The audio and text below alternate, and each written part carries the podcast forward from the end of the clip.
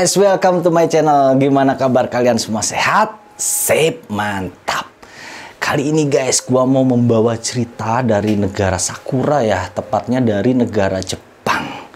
Kisah ini menceritakan seorang wanita Jepang yang kehidupannya itu cukup layak untuk kita bahas gitu karena ceritanya itu cukup dramatis gitu ya dari awal sampai ke terakhir. Ceritanya adalah seorang wanita yang bernama Sada Abe. Jadi wanita ini pada akhirnya nanti terlibat kasus pembunuhan ya. Dia membunuh uh, selingkuhannya gitu. Dia adalah keluarga yang sedang-sedang aja gitu sebenarnya si Sada Abe ini ya. Sada ini dilahirkan di Kanda, daerah Tokyo. Dia merupakan anak ketujuh dari delapan bersaudara. Cuman pada akhirnya keluarga si Sada Abe ini ya akhirnya hanya tinggal empat orang. Dia terus dia punya kakak perempuan dua orang sama satu laki-laki. Karena saudara-saudaranya yang lain itu meninggal pada saat mereka masih pada kecil. Kalau menurut gue ya, mungkin di Jepang itu pada tahun 1900-an itu masih serba susah gitu ya. Maksudnya eh, gizinya kurang bagus, terus ilmu kedokterannya juga kurang bagus. Makanya adik-adiknya ini sampai empat loh, adik sama kakaknya nih ya, meninggal gitu karena rata-rata pada sakit semua. Hingga akhirnya dalam keluarga urutan si Sada Abe ini menjadi anak yang paling kecil. Sada mempunyai bapak ya namanya Shigeyoshi. Jadi Shigeyoshi ini pada masa kecilnya itu memang anak yang yatim piatu sebenarnya. Jadi dia ditinggal meninggal oleh orang tuanya ini karena dibegal bapaknya waktu itu dirampok rumahnya hingga dua-duanya meninggal. Sampai dia jadi anak yatim piatu cuman dia termasuk anak yang beruntung karena ada keluarga dari kota Tokyo ini yang kemudian mengadopsi bapaknya ini. Rupanya keluarga yang mengadopsi itu adalah keluarga yang pebisnis ya. Jadi mereka itu sedang merintis sebuah perusahaan gitu, sedang merintis dari nol. Dia butuh pegawai. Jadi kemudian mereka melihat si Shigeyoshi ini yang yatim piatu, mereka adopsi. Jadi sebenarnya tujuan mereka ini bukan adopsi punya anak sih sebenarnya gitu ya, tapi adopsi buat kerja gitu loh. Jadi lumayan kan dapat tukang kerja gratis gitu, mungkin begitu ya. Akhirnya si Shigeyoshi ini diadopsi. Cuman berjalannya waktu itu perusahaan berhasil sukses. Sukses sampai pemiliknya kemudian meninggal kemudian meninggal itu pemilik kebetulan tidak punya anak. Akhirnya diturunkanlah perusahaan itu kepada bapaknya si Sada Abe atau si Shigeyoshi tadi. Makanya kemudian keluarga Sada Abe ini akhirnya jadi keluarga yang berkecukupan gitu ya. Sementara itu ibunya si Sada ini ibunya bernama Katsu. Jadi karakter dari ibu Sada Abe ini adalah orang yang hmm, terbuka ya orangnya enak gitu. Maksudnya dia tidak melarang anak-anaknya dia tidak mempunyai peraturan yang ketat kaku gitu ya. Cuman rada aneh juga kalau menurut gue pada zaman-zaman dulu itu Jepang termasuk orang yang sangat menjunjung tinggi tradisi ya prinsip-prinsip aturan-aturan kolot gitu istilahnya. Cuman ibunya ini orang yang santai. Jadi anak-anaknya bebas deh mau ngapain lu mau ngapain asal yang bener aja gitu. Perhatian orang tuanya ya kepada Sada ini termasuk paling istimewa. Karena Sada ini jadi anak yang paling kecil kan karena adiknya udah meninggal. Makanya dia yang paling disayang paling diperhatikan. Sampai si Sada ini dieleskan dia dieleskan alat musik alat musik tradisional Jepang, dileskan menari, menyanyi seperti itu. Tapi itu semua sebenarnya adalah kalian untuk seorang geisha ya pada saat itu untuk menyanyi menari itu semua adalah keahlian untuk seorang geisha yang pada saat itu dicap sebagai seorang penghibur geisha itu. Jadi memang ada yang hanya uh, menemani tamu untuk menyanyi atau menari gitu, tapi ada juga yang berprofesi ganda selain geisha penghibur dia juga menghibur tamu secara lebih detail gitu atau melacur gitu ya Waktu berlalu hingga Sada Abe kecil ini menginjak usia remaja. Jadi kalau anak yang terlalu dimanja ya, itu dia bisa ngelunjak, tau nggak? Jadi tuh anak, wah mentang-mentang gue dimanja nih sama bapak ibu, jadi gue bisa sesukanya. Begitu juga yang terjadi pada si Sada Abe. Begitu menginjak usia remaja, ini si Sada menjadi sosok cewek remaja yang nakal. Dia mulai bolos-bolos sekolah. Dia mulai dandan-dandan. Wah, lipen-lipen gitu ya. Pokoknya dandan-dandan aja kayak ibu-ibu gitu. Sampai pergaulannya juga tidak terkontrol sama teman-temannya itu dia milih teman-teman yang salah. Hingga pada usia yang ke-14 tahun karena pergaulan itu tadi akhirnya Sada Abe diperkosa sama teman-teman sepermainannya sendiri. Kemudian bapak sama ibunya ini mulai pusing ya dengan kelakuan si Sada ini gitu loh. Akhirnya mereka pun menyekolahkan si Sada Abe ini ke sekolah khusus geisha atau khusus wanita penghibur.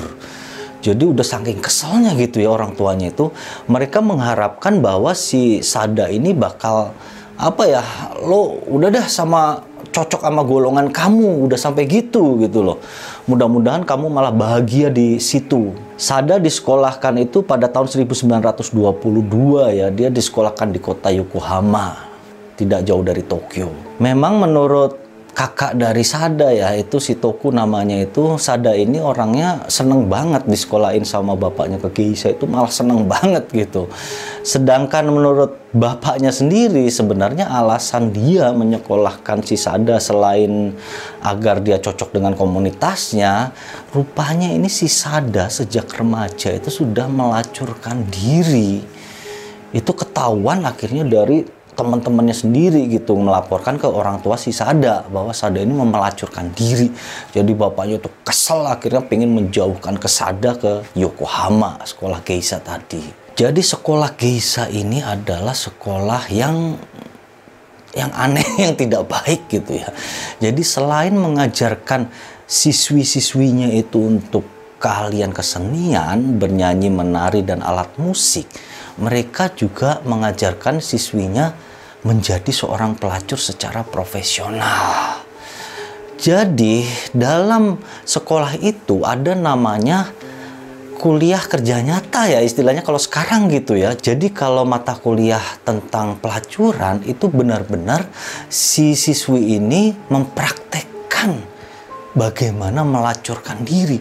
Jadi benar-benar melacur aja gitu loh sampai jadi mereka di sekolah itu kan selama lima tahun ya si Sada ini sampai dia itu kena sepilis gara-gara praktek pelacuran itu. Pemerintah Yokohama untuk soal pelacuran ini mereka mempunyai aturan ketat juga, cuman aturannya itu hanya dalam soal kesehatan gitu ya. Kalau soal prostitusinya sendiri sih bebas gitu. Tapi kesehatan apabila si A ini kena sipilis, dia harus disuntik harus dikontrol setiap minggu. Kemudian setelah mendapatkan treatment ya atau pengobatan dari pemerintah Yokohama, akhirnya si Sada Abe ini pun sembuh dari penyakit sipilisnya. Setelah sembuh dan setelah lulus dari sekolah itu, dia mulai berpikir lebih besar. Gue harus gak tanggung-tanggung kalau gue udah jadi pelacur, gue udah harus dapetin duit yang banyak gitu loh. Sekalian aja. Jadi dia berpikir, wah gue target harus menjadi pelacur papan atas. Pada sekitar tahun 1930-an ya, tepatnya si Sada ini berusia 25 tahun. Dia merantau ke kota Osaka. Dia menjalani profesinya yang secara profesional gitu sebagai seorang pelacur Cuman si Sada Abe ini ternyata adalah seorang pemberontak ya. Dia seorang yang suka mencuri barang-barang kliennya, suka buat onar, suka teriak-teriak. Pokoknya ada error nih orang gitu. Hingga cuman bertahan selama 2 tahun.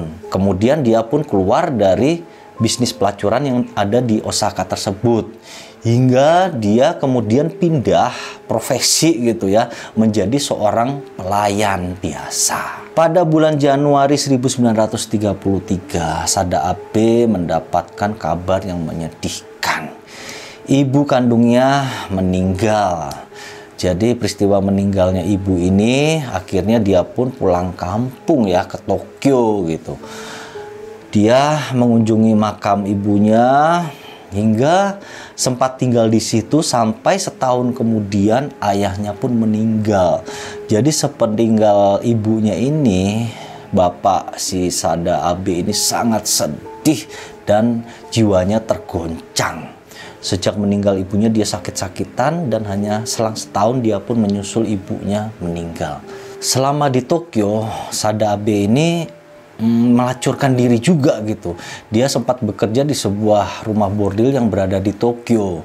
Cuman itu tidak lama ya karena ternyata rumah bordil tersebut itu digerebek sama polisi kemudian ditutup karena rumah bordil tersebut tidak mempunyai izin. Rupanya dalam penggerebekan itu ternyata tidak hanya pemilik rumah bordil saja yang ditangkap, tapi seluruh pekerjanya juga ditangkap termasuk si Sada Abe dia pun dipenjara. Untungnya ya, si pemilik rumah bordil itu mempunyai teman dekat gitu. Dia bernama Kinosuke Kasahara. Jadi dia ini tertarik dengan Sada Abe hingga memutuskan akan membebaskan si Sada Abe ini dari penjara. Cuman syaratnya si Sada ini harus mau menjadi simpanannya. Kemudian mendengar tawaran dari si Kinosuke ini ya, Sada Abi ini tanpa pikir panjang langsung mengiyakan gitu. Oke, gua mau jadi simpenan lo. Jadi si Sada ini kan udah biasa gitu ya dari pelukan laki satu ke laki lain tuh udah biasa gitu kak. Jadi kalau jadi simpenan doang tuh kagak ngaruh bagi dia. Setelah itu Kinosuke pun membebaskan si Sada Abe. Begitu dibebaskan, itu si Sada diurus sama si Kinosuke. Dia dibelikan tempat tinggal, dia dikasih uang saku bulanan. Sebenarnya udah enak ya dan bisa normal gitu loh hidupnya si Sada ini nih kesempatan dia sebenarnya. Dia menjadi simpenan dari Kinosuke ini selama hampir 2 tahun ya. Sampai si Sada ini merasakan sebagai seorang wanita yang sesungguhnya gitu loh. Jadi selama dua tahun ini Kinosuke benar-benar memanjakan si Sada ini. Sampai si Sada ini ingin memiliki si Kinosuke ini secara seutuhnya. Rupanya Kinosuke ini adalah seorang pria yang sudah beristri. Jadi Sada ini ingin memiliki Kinosuke ini menjadi suaminya benar-benar bersatu gitu. Dia meminta Kinosuke untuk menceraikan istrinya. Bang, gua pengen jadi istri lo, gua nggak pengen jadi simpenan gini terus, kagak jelas. Cuman si Kinosuke ini menolak. Dia tidak mau menceraikan istrinya. Rupanya Kinosuke ini suami yang setia ya setia setia apa ya? Setia gombal gitu ya. Jadi di samping dia nggak mau bercerai dengan istrinya gitu kan tapi dia juga nyimpen si Sada ini gitu ya. Jadi suami setia yang error gitu. Sampai akhirnya si Sada ini mengancam ke si Kinosuke. Kamu kalau nggak mau nyeraikan istrimu ya udah kamu cari cewek lain aku pergi aja dari sini. Itu mulai akhir-akhir tahun 1935 tuh peristiwa ini terjadi. Sampai akhirnya benar-benar suatu hari si Sada Abe ini meninggalkan Kinosuke. Dia kabur menuju Nagoya. Di Nagoya pada tahun 1935, Sada Abe bekerja sebagai pelayan restoran. Jadi selama bekerja di pelayan restoran ini dia sempat menjalin affair juga dengan salah satu pelanggan restoran. Pelanggan ini bernama Guru Omiya. Jadi Guru Omiya ini adalah sosok pria yang mapan ya. Dia seorang profesor, dia seorang bankir. Bahkan dia berencana untuk mengajukan diri menjadi anggota parlemen di Jepang. Cuman pada saat itu, restoran tempat si Sada Abe ini bekerja itu rupanya sebuah restoran yang sangat ketat dalam peraturan termasuk peraturan pelayan dilarang menjalin hubungan dengan konsumen. Hingga akhirnya Sada Abe pun dipecat dari restoran itu dan hubungan dengan si Goro tadi itu akhirnya pun kandas. Selepas dipecat dari restoran itu, kemudian Abe ini pulang kampung lagi ke Tokyo. Jadi di Tokyo ini dia kembali bekerja di sebuah restoran. Cuman kali ini restoran itu pemiliknya rada mata keranjang ya, namanya Isida gitu, umurnya 42 tahun. Ternyata si Sada Abe ini kan apa ya melayani gitu ya. Dia melayani nafsu dari pemilik restoran itu yang mata keranjang tadi gitu. Hingga pada bulan April tahun 35 mereka pun melakukan hubungan seksualnya yang pertama kali dan itu dilakukan berulang-ulang selama dua minggu. Pertama dilakukan di restoran, kemudian dilakukan di tempat-tempat penginapan-penginapan yang lain. Hingga satu bulan setelah petualangan cinta terlarang mereka ini ya. Jadi rupanya si Isida itu lagi-lagi adalah seorang yang yang mempunyai istri. Cuman pada saat pertemuannya dengan si Sada ini, Isida ini sedang dalam apa ya renggang sama istrinya. Karena mereka mungkin bertengkar gitu itu adalah saat-saat renggang dengan istrinya. Nah pada saat si Isida ini kesepian dia pun menggoda si AB nah pada bulan Mei tanggal 9 Isida ini rupanya akur lagi dengan istrinya dia rujuk lagi. Uh, begitu mendengar kabar itu ya si AB ini marah. Dia ngancem ke si Isida ini. Lo ngapain balik lagi sama istri lo? Lo macem-macem gua bunuh lo. Dicekik itu mestinya kan sempet sadar gitu ya. Lo balik lagi sama istri lo. Berarti tenaganya si Sada ini kuat banget. Potong dari pangkalnya itu IC isidanya hah terus kan kayak gitu kali. Thank you and see you